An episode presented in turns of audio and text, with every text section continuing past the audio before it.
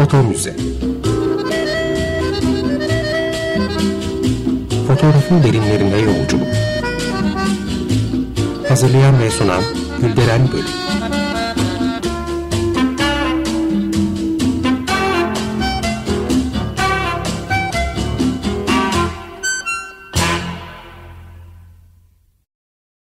Merhabalar değerli dinleyiciler, fotoğraf tarihçiniz. Ben Gülderen Bölük. Yeni bir foto müzede yine birlikteyiz. Programa başlamadan önce destekçilerimize Defne ve Erdem Yamalıoğlu'na çok teşekkür ediyorum. Sağ olsunlar. Ee, bugün programda çok değerli bir konuğum var.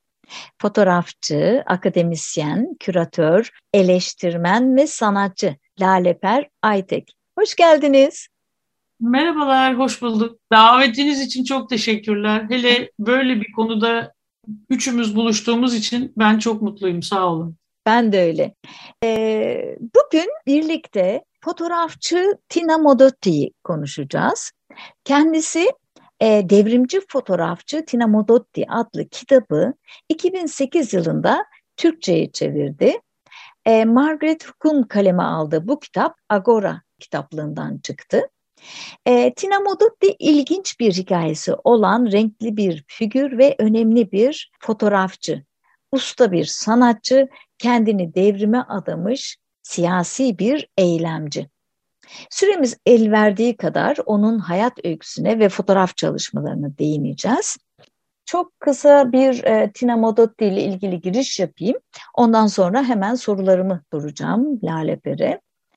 E, gerçek adı Asuntina olan Tina 1896 yılında İtalya'da dünyaya geliyor. Çocukluğu bir an bile yerinde duramayan, isyankar, gürültücü, erkek çocuklar gibi yaramaz ve maceracı olarak betimleniyor kitapta. Ama babası e, Giuseppe Saltorini Madotti'nin Amerika'ya gitmesiyle bu durum birdenbire değişiyor Tina'nın hayatında. E, çünkü henüz 12 yaşındayken ipek fabrikasında çalışmaya başlıyor ve birdenbire ağırbaşlı bir genç kız oluyor. Şimdi hemen sorularımıza geçelim. Siz bize onun ve ailesinin bu zorlu dönemlerinden biraz bahseder misiniz? Ve bu soruya bağlı olarak Tina Modotti'nin hayatında inanılmaz şekilde göçler var. Hatta e, en küçük e, yaşlarından itibaren ve ölünceye dek bu göçleri görüyoruz. E, ve bunlara, bunların hepsi hayatında yolunu çizmede etken oluyor. Bize biraz bu göçlerden söz eder misiniz?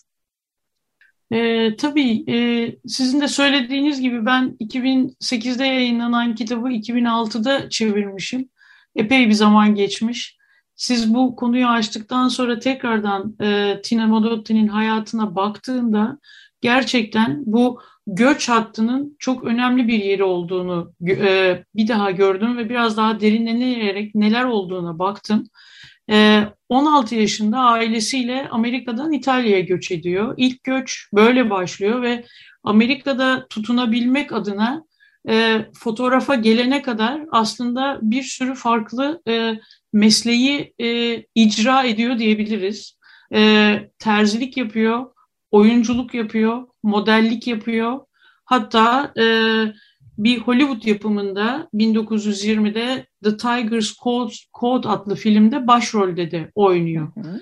E, ve benim bütün bu e, göç hattında gördüğüm ilk baştan itibaren hayata tutunabilmek için inanılmaz büyük bir mücadele veriyor ama bunu büyük bir e, azimle, keyifle ve hayata katılmak anlamında yaptığını görüyorum. Çünkü bu göç hattı çok ciddi kırılmalar, hayatına da kasteden belki sonunda bizi oraya kadar getirecek bir 46 yıl var.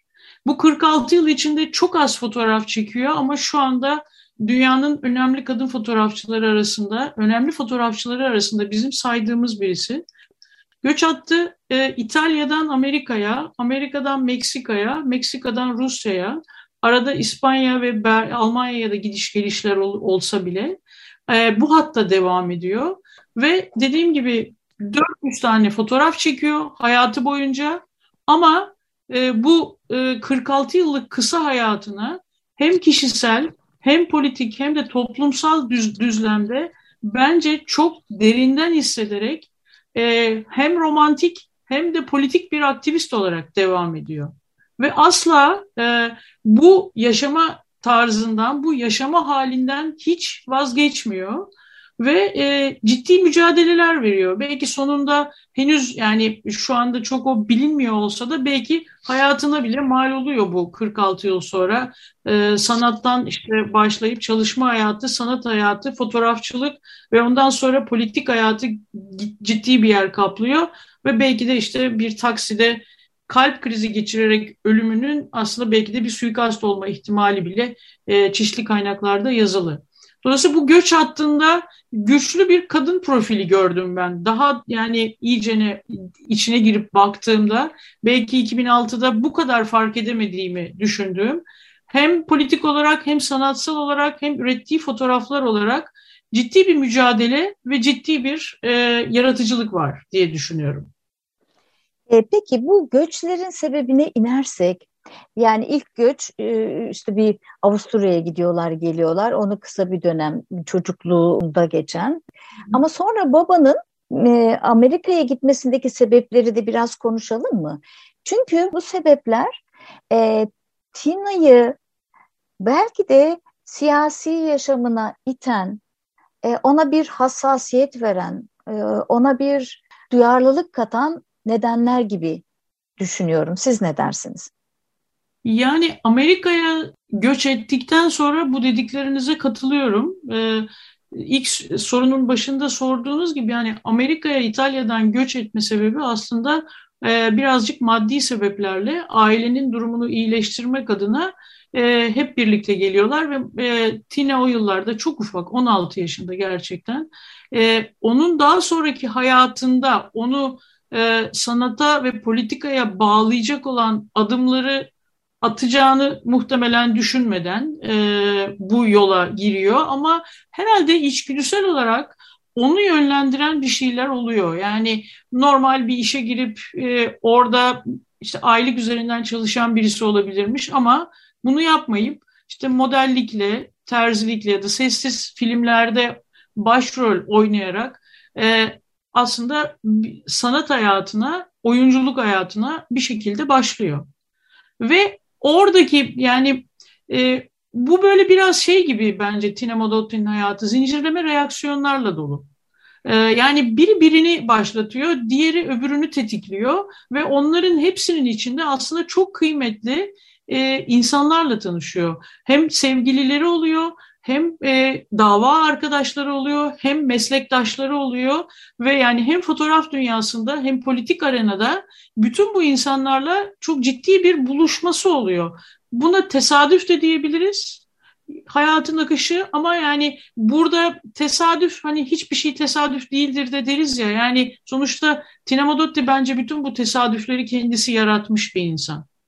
Hani bir ucundan tutup işte ilk sevgilisi olan Robo hatta ilk eşi galiba e, evlenmişler. Ressam ve şair ve onunla e, beraberken aslında Amerika'daki bu kültür sanat ortamının bohem dünyanın içine giriyor bir şekilde ve Los Angeles'ta e, yaşama yaşıyorlar bu, bu süre içinde ve o yıllarda Meksika devrimci entelektüellerinin bir araya getirdiği geldiği kültür ve sanat rönesansının yaşandığı bir ülke olan Meksika'da Meksika'ya Robo 1921'de Kültür Bakanlığı tarafından davet ediliyor ve e, bu dönem içinde e, kendi e, ortamlarında Robo ve Tina Modotti aslında Amerikalı ünlü fotoğrafçı Edward Weston'la da o, bu ortam içinde tanışma imkanı buluyorlar.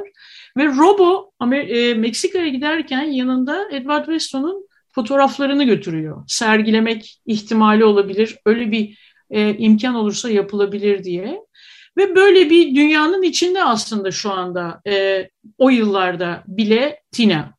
Bu nedir? 1920 işte 13 1913'te e, 16 yaşında geliyorsa 7 yıl sonra işte 23 yaşında filan yani oldukça genç bir kişi Tina Modotti. Evet. E, bu hikayenin ucu aslında ilginç işte. O tesadüf ya da birbirini tetikleme durumu şöyle. Robo'nun Meksika yolculuğunda bir hastalık geçiriyor ve çiçek hastalığından ölüyor. Onun vefat etmesi üzerine Tina Modotti Meksika'ya gidiyor. Dolayısıyla Meksika ilişkisi belki Robo hayatta olsa böyle bir yolculuk olmayacaktı. Robo geri dönecekti ve Amerika'daki Los Angeles'taki hayatları başka bir yoldan devam edecekti. Belki gene bu yolla buluşacaktı. Ee, ama Tina Modotti Meksika'ya gidince bence işte halkanın yani göç e, yolunun ikinci halkası birdenbire devreye girmiş oluyor. Ve Edward Weston'un sergisini orada Tina Modotti gerçekleştiriyor. Ve e, babasının ölümüne kadar aslında Meksika'da kalıyor. Babası öldükten sonra e, Amerika'ya dönüp Edward Weston'la beraber tekrar Meksika'ya dönüyor ve stüdyosunu açıyor. Stüdyo açıyorlar. Portre stüdyosu açıyorlar. Ve o arada tabii Edward Weston'la sevgililik dönemi başlıyor. O bence işte fotoğrafın en ağırlıklı olarak Tina Modotti'nin gündemine geldiği dönem bence bu 21 yılı gibi düşünebiliriz. Birlikte gittikten sonra ve stüdyo açtıktan sonra aslında bu iş iyice şey oluyor, ciddiyete biniyor. Yani hayatına iyice giriyor.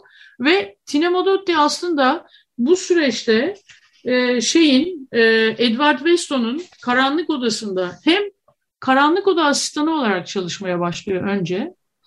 Karanlık Oda'nın tekniklerini öğreniyor. Dolayısıyla mesela bunun kendi ürettiği fotoğraflardaki ışık, form dengesine ve kompozisyon dengesine çok büyük ben yan, faydası ve yansıması olduğunu düşünüyorum. Ee, sonra e, stüdyoyu e, yöneticiliğini yapmaya başlıyor. Ondan sonra da aslında bu üçüncü dönemde ise aslında ikisinin arasındaki fotoğraf yaklaşımları giderek farklılaşmaya, Edward Weston Meksika'da o kadar mutlu olmamaya, daha o başladıktan sonra bir ayrılma süreci geliyor. Hem e, iş anlamında yani fotoğrafları ayrılmaya başlıyor hem de hayatları ayrılmaya başlıyor. Edward Weston dönüyor, Tina Modotti Meksika'da hayatına fotoğrafçı olarak ve Amerika'da kurduğu ilişkileri de aslında Meksika'da tekrar o halkaları genişleterek, devam ettirerek e, sanat hayatına ya da fotoğraf hayatına devam ediyor. Evet, tabii şunu da e, tekrar belki e, hatırlatmak yerinde olabilir. Çünkü bunun da bir etkisi olabilir e, diye düşünüyorum. Aslında amcası Pietro Modotti e, Udinne'de e, yani İtalya'da Doğru. E, bir fotoğrafçı ve ünlü bir fotoğrafçı. E, Tina çocukluğunda buraya gidip eğlenceli zamanlar geçirdiğini e, hatırlıyor e, ailece çocuklar olarak. E, ve çok enteresan babası Amerika'ya gidince stüdyo açıyor bir ara. Kısa sürede kapanıyor ama. Mesela onun da böyle stüdyo girişimi oluyor. E, bu da ilginç. Daha zaten e, sanat dünyasına girmeden Tina'nın hayatında fotoğraf var. E, yani sanatsal Doğru. anlamda değilse bile fotoğrafa Doğru. aşina e, ve şey aslında burada babasının birçok konuda e, önemli olduğunu e, düşünüyorum. Siz ne dersiniz? Mesela ve babası da sosyalist e, görüşe yatkın ve Avusturya'da göç ettiklerinde mesela Tina 4-5 yaşında çocuk da olsa onların 1 Mayıs şarkılarını dinliyor e, ve konuşmalarını dinliyor. Babasıyla ilgili e, şöyle bir şey daha var. Onun oyunculuk e, e, kariyerinde etken olabilir. Çünkü Modottiler e, operaya çok düşkün, tiyatroya çok düşkün izliyorlar. E, babası aynı zamanda aryalar söylüyor. E, müzik enstrümanları koleksiyonu yapıyor. Bunlar da tabii Tina'nın hayatında Bence hatta belki başlarken bütün bunlarla beslenerek İtalya'dan Amerika'ya gelip öyle bir dünyanın ve ailenin içinde yaşamış olmanın bence bundan sonraki kurguyu çok destekleyen bir yanı var. Yanı olmalı. Yani bence çok e, cesaretli bir kadınmış Tina Modotti. Çok. Ama bu cesareti gerçekten belki amcası, babası, işte e, evdeki ortam, gördükleri bunların hepsi aslında o birikim bence Tina'yı Amerika'da bir süre sonra bu işte Edward Weston Robo o tanıştığı dönem yani 20'ler 23-24 yaşında e, böyle bir e, yöne doğru gitmekte cesaretlendiren bir şey söylediğiniz gibi. En azından istek duymasında, böyle bir arzunun oluşmasında. Evet, evet. Yani bu engellenebilirdi. Böyle böyle bir aile olmayabilirdi ve Tina Modotti böyle bir kişilik olmayabilirdi. İyi ki öyle olmamış. Peki şimdi biraz e, gene fotoğrafçılığı üzerinde konuşacağız ama onun e, siyasi partinin içinde bir figür olarak, bir devrimci olarak girişi e, nasıl oluyor? Biraz buna da değinelim mi? Tamam. Değinelim, değinelim. Çünkü hakikaten o önemli bir kırılma noktası bence hayatında. E, bu e, dediğim gibi Robo'nun hayatını kaybetmesi, Meksika'ya gidip sergiyi yapması ama bir süre sonra işte babasının vefatı üzerine tekrar e, Amerika'ya dönmesi. Bütün bu süreçlerin içinde e, Tina aslında Kübalı bir devrimciyle tanışıyor. Julio Antonio Mella ile tanışıyor ve e, Mella Latin Amerikalı radikal devrimciler arasında bir kahraman ve e, onlar aslında e, sevgili oluyorlar bu süreç içinde ve tam bu tanışıklığın arkasından Tina Modotti Meksika Komünist Partisi'ne katılıyor. Aktif olarak politika yapmaya başlıyor. Ama bu süreçte bir takım e, galiba kazalar da olmuyor değil ve mesela bundan 3 yıl sonra bu 1926-27'de oluyor. 29'da e, Tina ile e, Antonio Mella yolda yürürlerken e, bir suikast kurşunuyla öldürülüyor. E, ve bundan Tina Modotti sorumlu tutuluyor. İlginç bir şekilde ve e, antikomünist ve göçmen karşıtı bir e, kampanyanın hedefine yerleştiriliyor. Aslında bu çok da yabancı olduğumuz bir şey değil, e, yaklaşım değil. E, bir karalama kampanyası gibi bir şey oluyor Tina Modotti'ye karşı. Tehlikeli bir kadın olarak yaftalıyorlar diyeyim.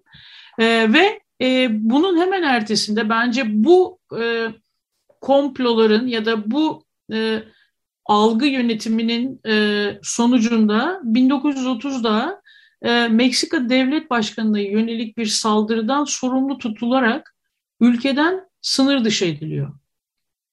Dolayısıyla bu da başka bir göçe sebep oluyor ve bence herhalde bu dönemler ciddi e, kırılma, e, kötüye gitme, kendini iyi hissedememe çünkü çok duygusal ve çok duyarlı bir insan ve bütün bunların e, hani burada çok kolay cümleler halinde anlatıyoruz ama onun hayatında ciddi bir yaralara sebep olduğunu düşünüyorum aslında. Bunun o dönemde e, politik fotoğraflarına, ürettiği foto politik fotoğraflarına, işçi ve insan hakları üzerinden ürettiği önemli fotoğraflara, mesela Mella'nın daktilosunu ya da işte bir şapka üzerine konan orak çekiç hani o dönemler için değişik still life fotoğraflar üretmesine aslında yol açıyor.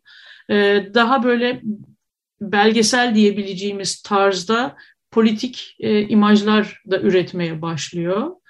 E, ve e, oradan da aslında yol kendisini Moskova'ya götürüyor. Yani sınır dışı edildikten sonra e, Moskova'ya e, göç ediyor ya da oraya sığınma, iltica hakkı istiyor galiba. Bir süre orada yaşıyor ve orada Avrupa'da e, Komintern adına politik aktivitelerini sürdürüyor.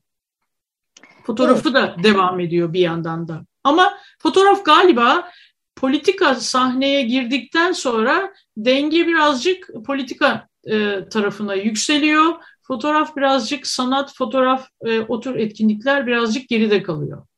E, tabii e, Sovyetler Birliği'nde o zaman öyle serbest bir sanat yok. O, St Stalin'e hizmet edecek ya devrime hizmet edecek bir sanat anlayışı var. Bu bunu hiç yapmak istemiyor ve bu konuda çok o, Doğru. davranıyor. Bir de Tina'nın e, ilk Meksika'ya gittiğinde biliyorsunuz orada bir e, kültür rönesansı yaşanıyor. E, sanatçılar, yazarlar e, devlet üniversitesi e, çevresinde bir araya geliyorlar ki burada e, Diego Aynen, Rivera evet, ve bir şey. Kahlolar var.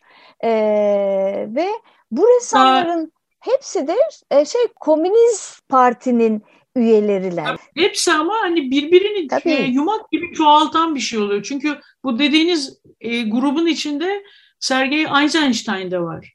Ya da Troçki de var aslında. O da sürgün edilmiş ve Meksika'da ve böyle bir hani dönemin avantgard sanatçılarıyla ve politik figürleriyle aslında giderek büyüyen bir halkayla bir araya geliyor.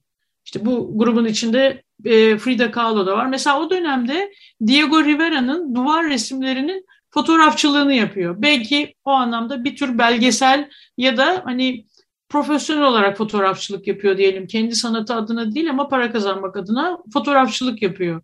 Ve bu ortamın içinde hakikaten hani daha farklı bir e, Tina Modotti çıkması oldukça zor. Yani politika e, şeyi e, tarafı giderek ağır basıyor ve onunla hakikaten hatta sonra bir süre sonra e, şeye de gitmiyor mu? E, İspanya İç Savaşı patladığında işte e, bir Vidali ile beraber sevgilisiyle oraya gidiyor ve orada hemşirelik yapıyor mesela Kızılaç Hastanesi'nde gibi. E, sonra tekrar İspanya'da yani faşist diktatörün zaferi olduktan sonra tekrar İspanya'dan ayrılmak ve sahte kimlikle Meksika'ya dönmek zorunda kalıyor.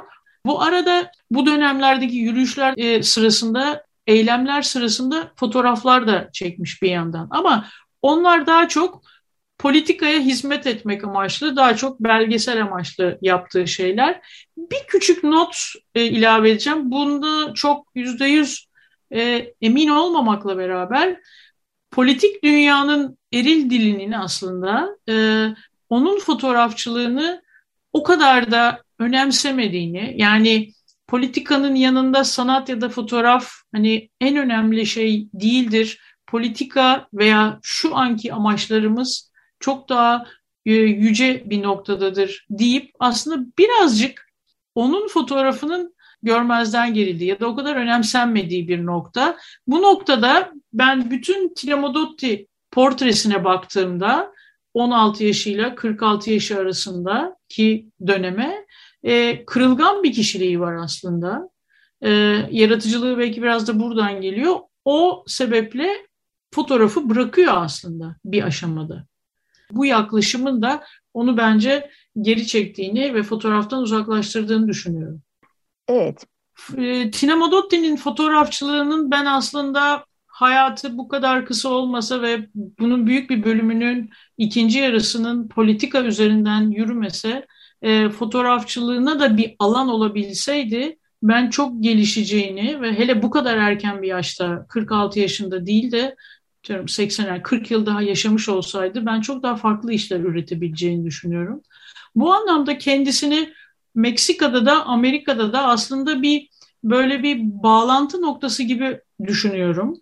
1925 yılında Amerika'ya gittiğinde e, mesela iki Amerikalı kadın fotoğrafçıyla buluşuyor. Dorothy Lange ve Imogen Cunningham. Şimdi bu iki Amerikalı fotoğrafçının işlerine baktığımızda aslında Tina Modotti'nin işleri ve o üçünün işleri birbirinin bir karması gibi düşünebiliriz.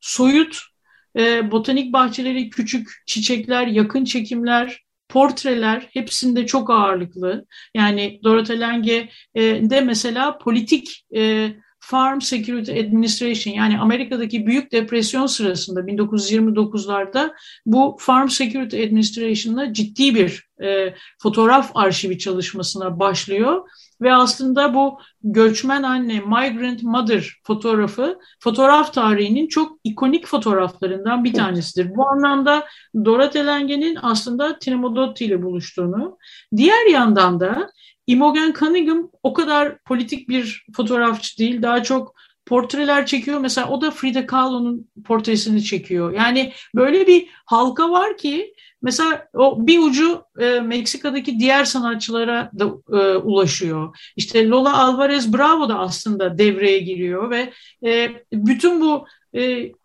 çember hepsini içeren bir şekilde hani Amerika'da da Meksika'da da süre gelmeye devam ediyor ve bu çemberin içinde aslında ortak kişi Tina Modotti her iki tarafta da bütün bu söylediğim kadın fotoğrafçılarla gerçekten bir yakınlık içinde. Hem iş olarak hem e, arkadaşlık olarak.